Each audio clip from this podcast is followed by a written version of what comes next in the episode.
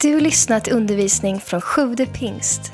Vi hoppas att Guds ord ska tala in i ditt liv och fördjupa din relation med Jesus. Besök gärna vår hemsida, www.sjuvdepingst.se. Då läser vi här i Jeremia 8, 20-22. Så står det så här, skördetiden är förbi, sommaren är över, men vi har inte blivit räddade.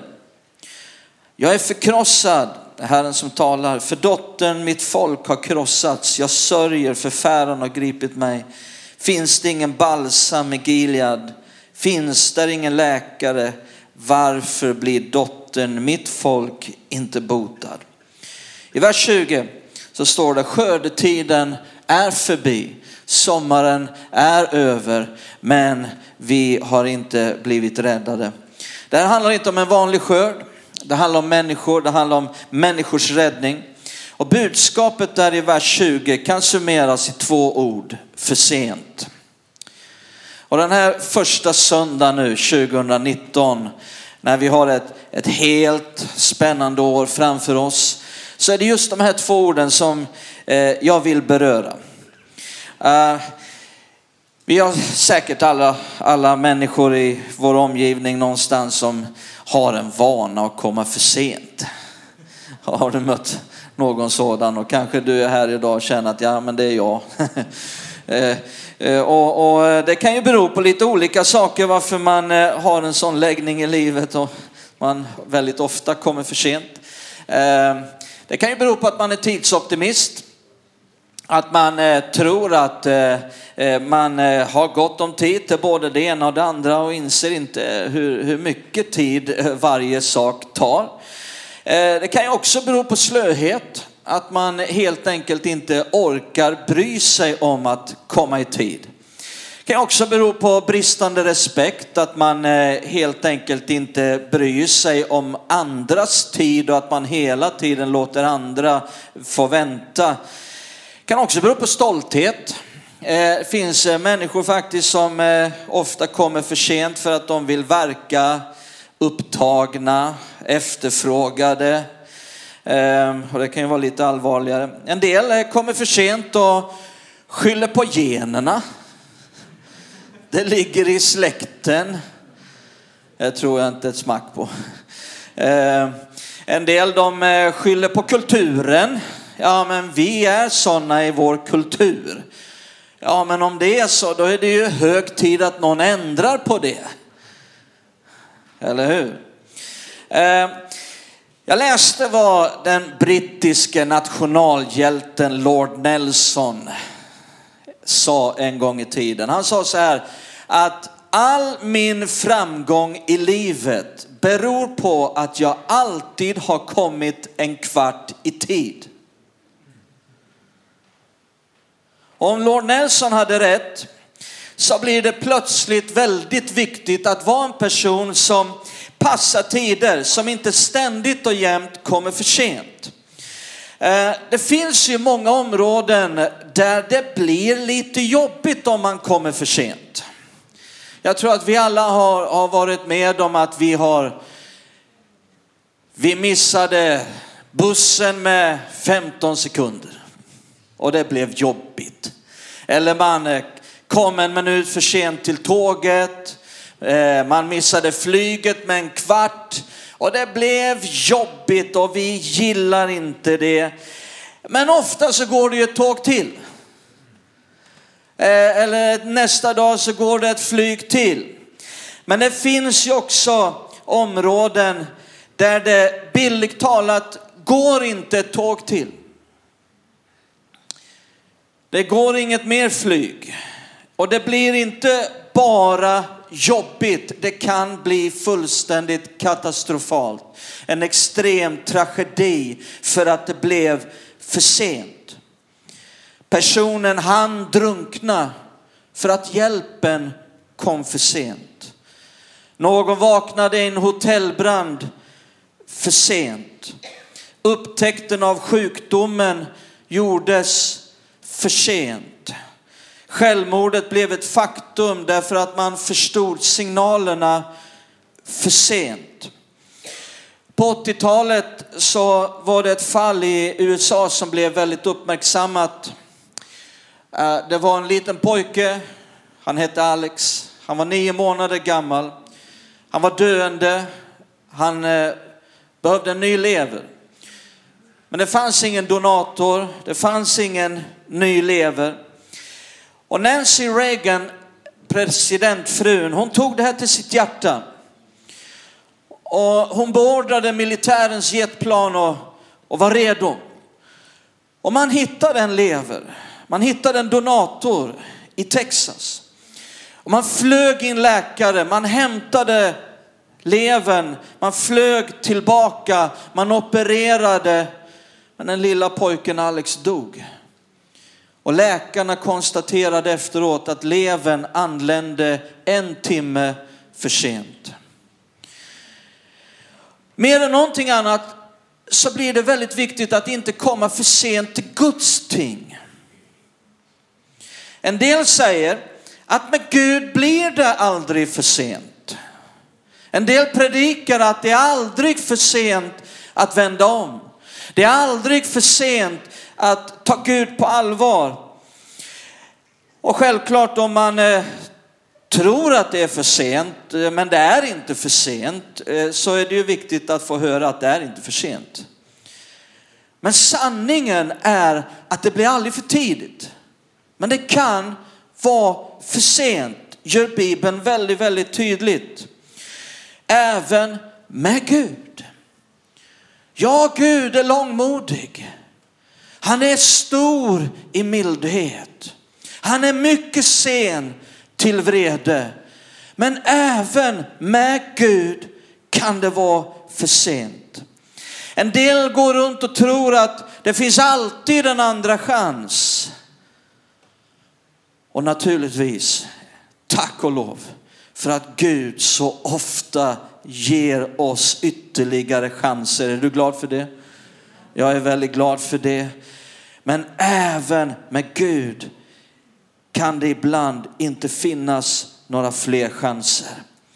Det är för sent även med Gud. Vi finner sådana exempel genom hela Bibeln. När Gud slöt till dörren efter Noa och hans familj till arken, då var det för sent. Noa hade predikat under lång, lång tid för folket. Han hade varnat dem för den kommande domen och det fanns en tid att lyssna på budskapet. Det fanns en tid att vända om. Det fanns en tid att börja göra det som är rätt. Men det fanns också en tid när det var för sent. Esau, en annan sån här som kom för sent. Han kom för att få välsignelsen av sin pappa Isak. Men Jakob hade redan varit där och snott åt sig välsignelsen och han kom för sent. Vi hade Israels folk som hade blivit räddade ut ur Egypten genom Röda havet och de stod vid gränsen till löfteslandet. Men de hade frestat Gud tio gånger står det. De hade visat prov på sån grov otro och olydnad att Gud dömde dem till 40 års vandring i öknen. Och när domen var ett faktum, då vaknade de upp för sent.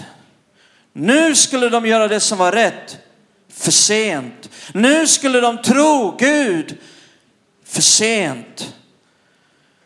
De drog upp mot fienden, men Gud var inte med dem och de blev slagna allesammans. Jag vill läsa ett bibelställe här som Jesus lyfter fram, eh, en berättelse Jesus lyfter fram här i Lukas evangelium kapitel 16. Från vers 19.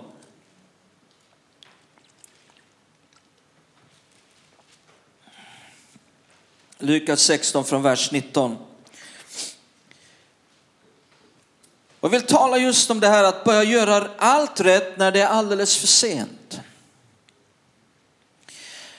Jesus säger det var en rik man som gick klädd i purpur och fint linne och levde i fest och lyx var dag. Men vid hans port låg en fattig man som hette Lazarus full av sår. Han längtade efter att få äta sig mätt på det som föll från den rikes bord. Hundarna kom till och med och slickade hans sår. Så dog den fattige och han fördes av änglarna till platsen vid Abrahams sida. Även den rike dog och blev begravd. I helvetet där han plågades lyfte han sin blick och fick se Abraham långt borta och Lazarus hos honom. Då ropade han, Fader Abraham, förbarma dig över mig och skicka Lazarus att doppa sin fingertopp i vatten och svalka min tunga, för jag plågas i den här elden. Men Abraham svarade, mitt barn, kom ihåg att du fick ut ditt goda medan du levde och Lazarus fick ut det onda. Nu får han tröst här medan du får plåga.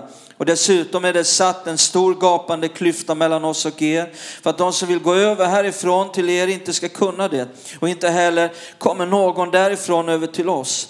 Mannen sa, då ber jag dig fader att du skickar honom till min fars hus. Jag har fem bröder och han måste varna dem så att de inte också kommer hit till plågans plats.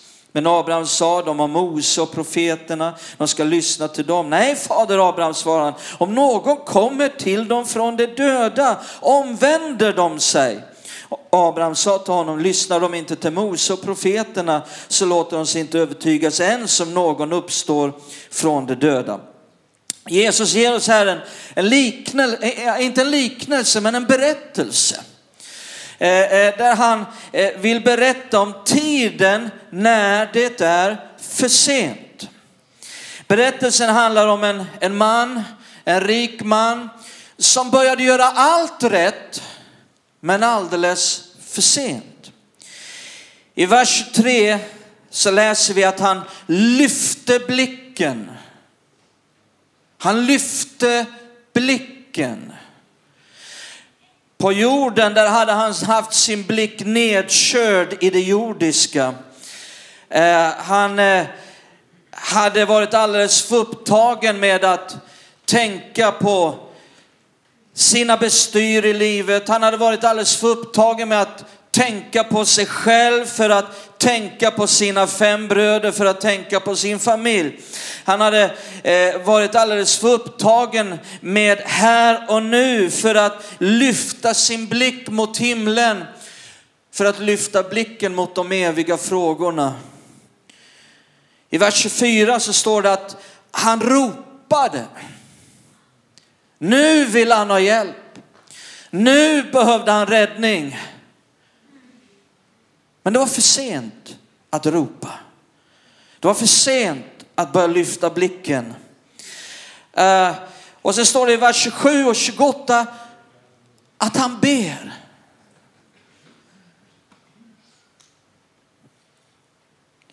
Han bad. På jorden så, så brydde han sig inte, han berördes inte av, av behoven i människors liv. Han, han brydde sig inte om sin familjs andliga väl. På jorden så brydde han sig inte om att hjälpa någon överhuvudtaget. Nu gjorde han allt det här. Nu bad han att Gud skulle sända någon med budskapet om frälsningen. Nu bad han för människors räddning för sent. Han gjorde allt rätt för sent. Han lyfte blicken, han ropade, han bad för sent. Den här rike mannen skulle kunna stämma in i den versen vi läste allra först. Att sommaren är över, skördetiden är förbi. Men vi blev inte räddade. Jesus han talade så ofta om skörden. Vi läste skördetiden är förbi. Sommaren är över men vi blev inte räddade. Jesus talade så ofta om skörden, om människors räddning. Titta här i Johannes 4. Johannes 4.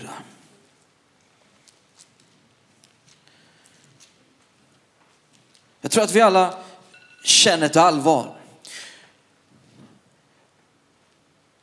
Men låt oss nu se också en möjlighet. Är du med mig? En möjlighet. Är det okej okay om det blir lite allvarligt inför ett nytt år? Jag tror att det gör oss gott att vi påminns om ett visst allvar när vi rör oss in i ett nytt år. Att vi väcks över någonting om vi har somnat till lite grann. Jag talar till mig själv, jag talar till oss allihopa. Johannes 4, så står det i vers 35 till 38. Jesus säger, säger ni inte Fyra månader till, sedan kommer skörden. Men se, jag säger er, lyft blicken. Lyft blicken. Kan jag säga lyft blicken? Medan det finns tid, innan det är för sent. Lyft blicken. Lyft blicken och se hur fälten har vitnat skörd. Redan nu får den som skördar sin lön, han samlar in frukt till evig tid så att den som sår och den som skördar får glädja sig tillsammans. Här stämmer ordet att en sår och en annan skördar. Jag har sänt er att skörda där ni inte har arbetat. Andra har arbetat och ni har gått in i deras arbete. I, i kapitlet här, det som hade hänt här var att det fanns en kvinna i Samarien. Och Jesus möter henne. I mötet med Jesus så blir hela hennes liv förvandlat. Han säger bara några enkla ord till henne, en och annan enkel mening, men som bar ett sånt allvar som träffade henne så djupt så hon kände han har berättat allt vad jag har gjort och allt jag har sagt, han har berättat hela mitt liv. Hon kände sig så genomlyst utav av mötet med Jesus, men det var sån kärlek, det var sån nåd i det mötet. Så hon begav sig in i sin by. Och där berättade hon för alla i sin by och allihopa i den här byn kom ut för att lyssna på den här Jesus. Och då står det, titta här i, i vers 41 och 42. Många fler kom till tro på grund av hans ord, Jesu ord. Och de sa till kvinnan, nu tror vi inte bara på grund av vad du har sagt, vi har själva hört och vi vet att han verkligen är världens frälsare. Wow, det här är fantastiskt. Och när detta sker, en kvinna får sitt liv förvandlat, en hel by, alla de här människorna kommer till tro på Jesus och ser honom som världens frälsare. Det kallar Jesus för skörd. Det kallar Jesus för skörd. Och, och, det vill säga, det är någonting som är väldigt dyrbart, som bärgas in, som tas om hand om, som bärgas in för att tillhöra Guds rike. En skörd är någonting väldigt dyrbart. Det får inte gå till spillo. Det ska inte bara lämnas där. Det, det, det är någonting vackert. Det är någonting dyrbart att få bärga in. Och det är så Jesus ser på detta när människor blir frälsta. Eh, och, och, och i det här sammanhanget så säger Jesus, lyft blicken. Säg inte att det är fyra månader kvar. Var inte en tidsoptimist. Hallå?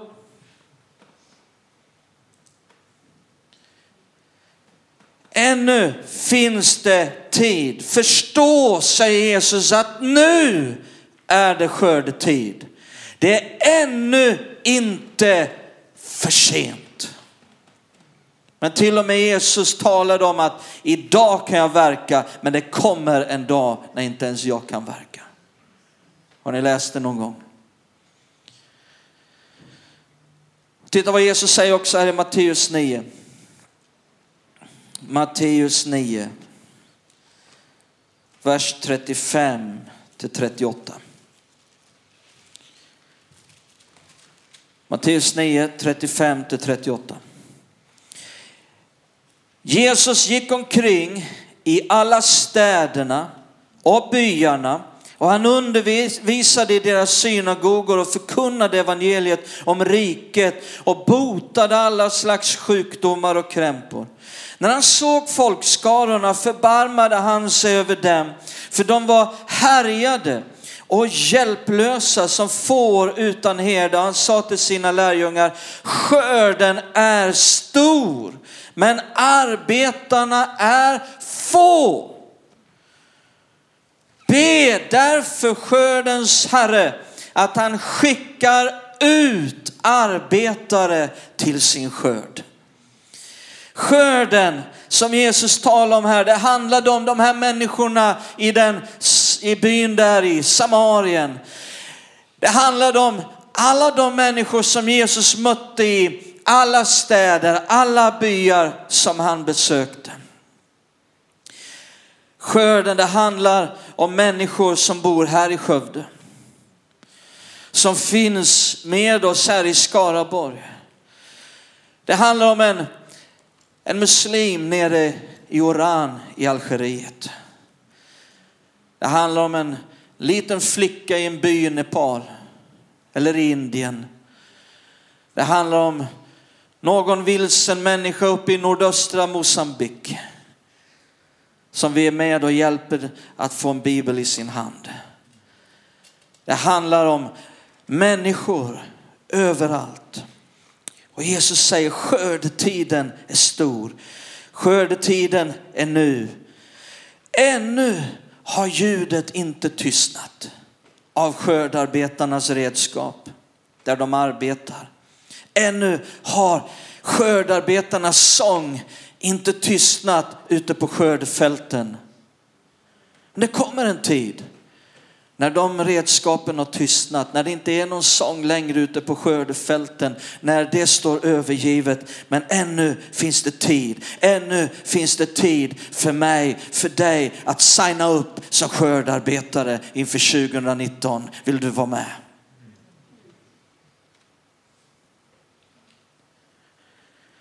Jag vill läsa också här i andra Korinthierbrevet 6.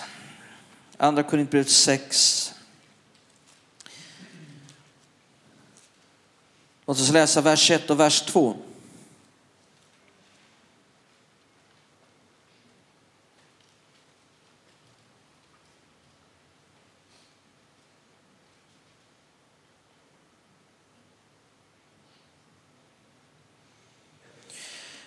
Som Guds medarbetare uppmanar vi er också att ta emot Guds nåd så att den blir till nytta. Han säger ju, jag bönhör dig i nådens tid, jag hjälper dig på frälsningens dag. Nu, kan han säga nu?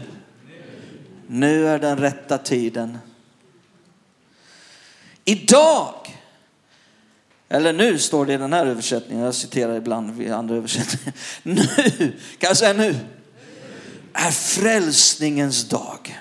Nu är den rätta tiden. Aldrig uppmanar Bibeln oss att vända om om en månad.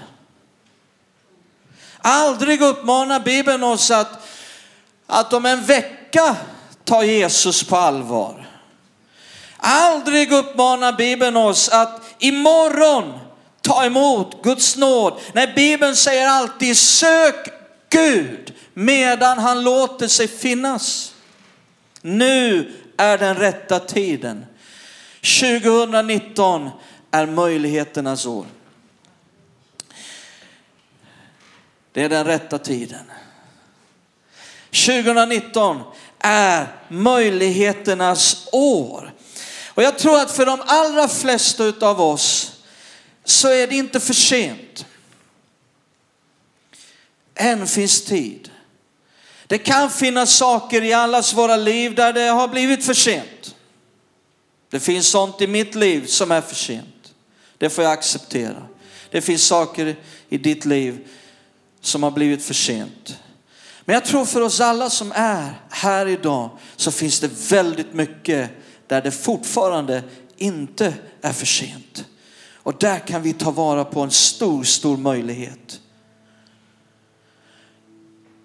Jag tror att för, för de allra flesta av oss så är 2019 ett stort möjligheternas år. Där det inte är för sent att ta ett positivt initiativ. Att kanske omprioritera sitt liv, omprioritera sin tid. Att ge lite mer tid till gymmet. Vad sitter nu och skrattar åt? Det är ännu inte för sent att tänka på sin hälsa och en god kondition. Jag tror att för någon som sitter här idag så är det ännu inte för sent att börja studera. Att göra ett viktigt vägval. Jag tror att för, för någon och några så är det ännu inte för sent att, att ta väl hand om sitt äktenskap. Det här året som ligger framför. Att på ett extra sätt se till att få lite mer kvalitetsdejter med frun eller mannen. Att visa mer kärlek, att visa mer omtanke. Det är inte för sent att börja ge mer uppmuntran, att visa mer tacksamhet och visa att du tar inte det här för givet. Jag tror att det för många är det ännu inte för sent att, att hitta på lite mer saker med barnen. Saker som blir så dyrbara att de för all framtid kommer att komma ihåg dem som någonting väldigt värdefullt. Än är det inte för sent att bli barnens främsta förebild. För många. För många är det inte för sent att, att börja odla vänskap och relation under 2019 på ett nytt sätt. Än är det inte för sent att sträcka ut sin hand och betyda någonting för någon annan som är i behov. Men det jag mer, än någonting annat vill säga här idag det är att, att framförallt så är det inte för sent 2019 för de allra flesta av oss att komma Jesus närmare. Som vi sjöng i den här sången tidigare i vår gudstjänst. Närmare dig.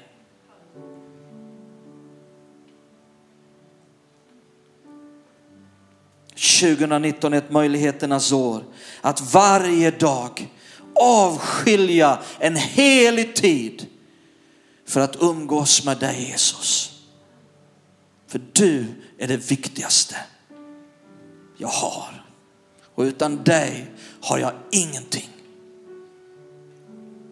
Än är det inte för sent att börja be för sig själv Be för sin familj, be för sina vänner, be för sin församling, be för människor runt omkring. Än är det inte för sent att börja leva ett liv fyllt av den heliga ande där Guds ande styr och leder.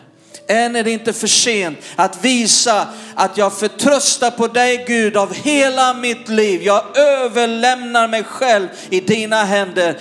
Du är den jag förtröstar på. Än är det kanske inte för sent att be någon om förlåtelse och upprätta en relation som Herren talar till dig om. Än är det inte för sent att börja jobba med det, ta itu med det som Herren talar till dig om. Ska vi stå upp tillsammans? Tack för att du lyssnat. Glöm inte att du alltid är välkommen till vår kyrka. Du hittar mer info på www.sjuvdepingst.se